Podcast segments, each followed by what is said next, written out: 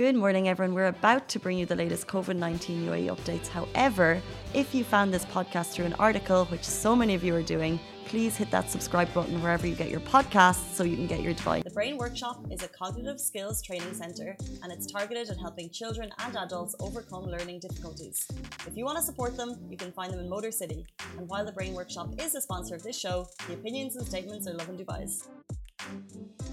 Good morning, Dubai. Happy Tuesday. Welcome to Lovin Daily, where we take you through the top trending stories today. I'm joined by Simran, who was actually nearly going to be up late last night because you were meant to have an interview with Sonu Nigam, who I want to call out that Chai said yesterday was old school, and he got a lot of slack from people in the office.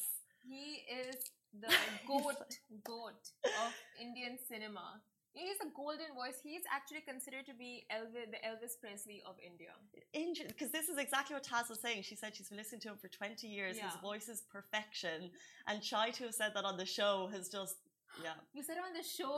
Yes, he said it on the show. His voice is like wine. It just gets perfect and like better every year. And you were meant to be interviewing because he's coming on Friday for a show at Dubai World Trade Center, and you're going to have an interview with him, which is super exciting. I thought. Fingers crossed. Fingers- Like I hope it still happens. I'm sure it will. It's Yeah. gonna it's gonna happen before Friday, and you have your question set. But we'll talk about that when it happens. Yeah. when we release Yes, it. when it happens. And guys, we'll run through our top stories as always. We're talking about a family in RAK asked people for COVID nineteen negative test before uh, before going to the wedding, which I think is fantastic.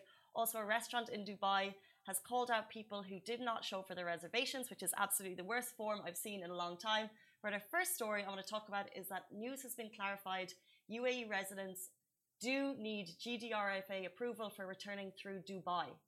So this is following an NCMA decision last week that said residents would not need entry permit, excuse me, to return to the UAE. Now, Dubai's Supreme Committee of Crisis and Disaster Management have clarified that residents are still required to apply for an entry permit through the GDRFA Dubai website if you wish to return to Dubai. You also need to show approval and a negative COVID 19 test, which you already know, before boarding and also on arrival, so don't lose your forms on the way. All returning residents must download the COVID 19 DXB Smart app. The mandatory 14 day quarantine uh, is not valid if you, present, if you present the negative COVID 19 test. And if you're unsure, and I know Simran has done a lot of this checking this weekend, if you're unsure of the information, check with the airline before flying because we know that there's a lot of confusion right now. And this has just been clarified by Dubai, Dubai, excuse me, by Dubai Media Office. So we know it's clear, seems clear. However, there's a lot of questions whether if you're an Abu Dhabi resident, if you're coming in, then do you still need that approval if you're flying through Dubai? So I know that you had a lot of calls with airlines this weekend to check. Yeah. So I think that's kind of what you should do is check with your airline. Yes, please check with your airlines because every airlines has something different to say, and if you get stuck at the airport, it it you know it's just a waste of time. So it's better to pre-check, get everything in order, have make your notes, and then head to the airport. Exactly. And the, the latest information we have is anyone, UAE residents flying through Dubai do need that approval. So I Yeah. would get get that. From what we've heard, Sharjah and Abu Dhabi don't. Exactly. So it was announced by the NCMA last week that it was a UAE-wide decision that you wouldn't need it to come through. So um, if you're flying through Sharjah and Abu Dhabi, you don't need that approval. But a, UA, a Dubai decision says that you do need to get it going Yes. to Dubai. Yeah. Yeah. So Dubai residents, you will need that ICA and GDRFA approval depending on what your which country you're coming from. Exactly. Yeah. Clear as And- day. Yes, for now. Unless it changes later.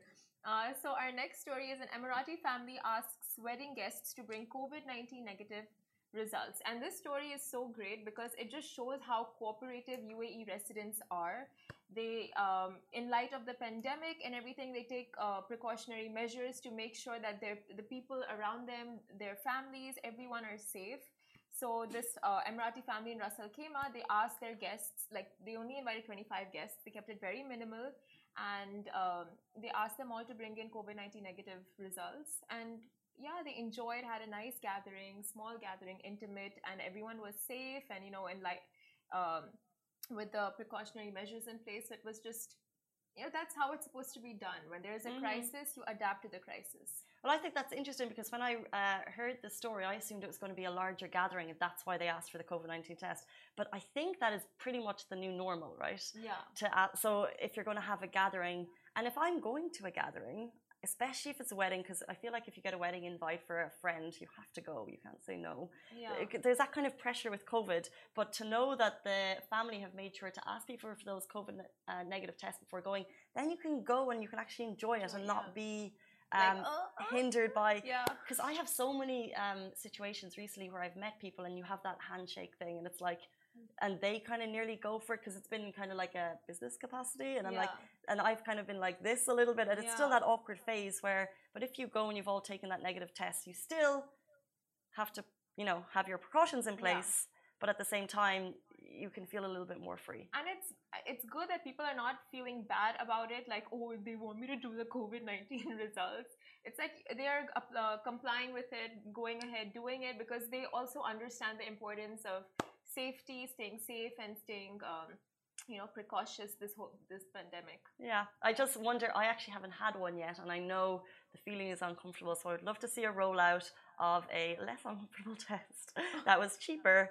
and yes cheaper but i don't think is it that difficult like a nose swab test is it painful have you heard I've heard that they say it feels like they're scooping out a little bit of your brain, but that could have been someone who's over dramatic, so I have no idea.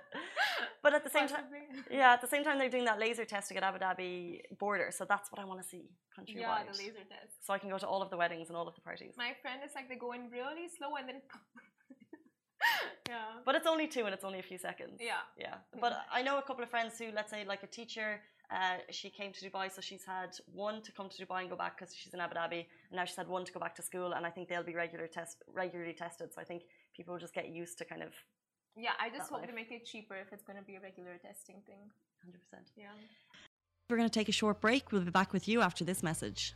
Help us to support businesses affected by COVID 19 through our Lovin Business Bounce Back campaign and share your favourite businesses with us at hello at lovindubai.com or DM us on our Lovin channels Facebook, Insta, or Twitter.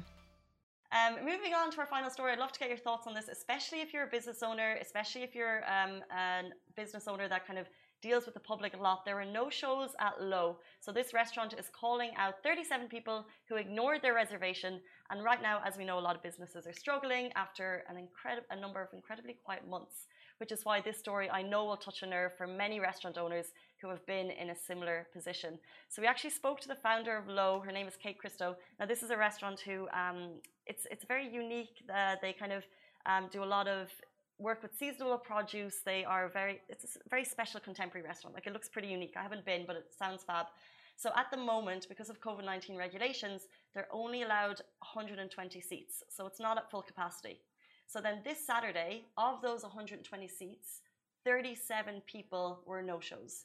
They had reservations. There's a wait list at this restaurant, so it's very hard to get into. And then 37 people just didn't show up and they were uncontactable on the day, which means that restaurant lost 30% of its profits, of an even smaller number of profit that they're even able to get because of COVID.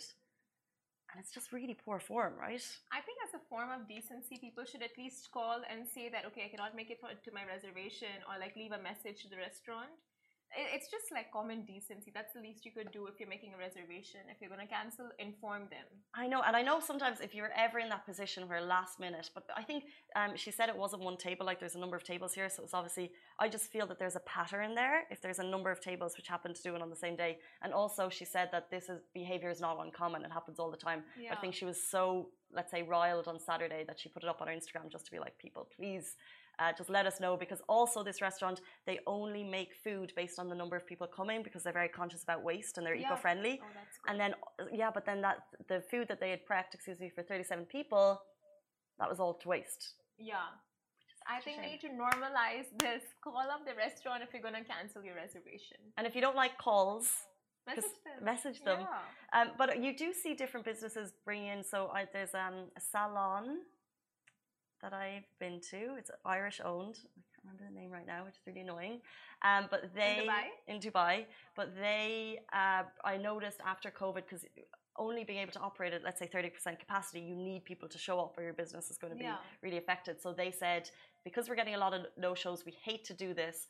But if you are going to no show and you don't tell us, the next time you come, we're going to charge you 20%, which is a lot for hair for a hairstyle the next time you go. But they just can't have that anymore. And you know, with hair salons, you're kind of loyal anyway, so you'll be going back. Yeah. But that's kind of the process that you could put in place. So that is if they don't call and cancel, or if they don't call and cancel, if there are no shows, the next time they go, and that's what you get with brunches. Just call, That's it. Do or and then maybe how you have to give your credit card or something to like put a small amount down. I think that's kind of what brunches do. If you're ever booking a big table, they're like, give us your Oh. credit card, and then you're de- if you if you've given your credit card, everyone is going to that brunch. Don't don't normalize that restaurants.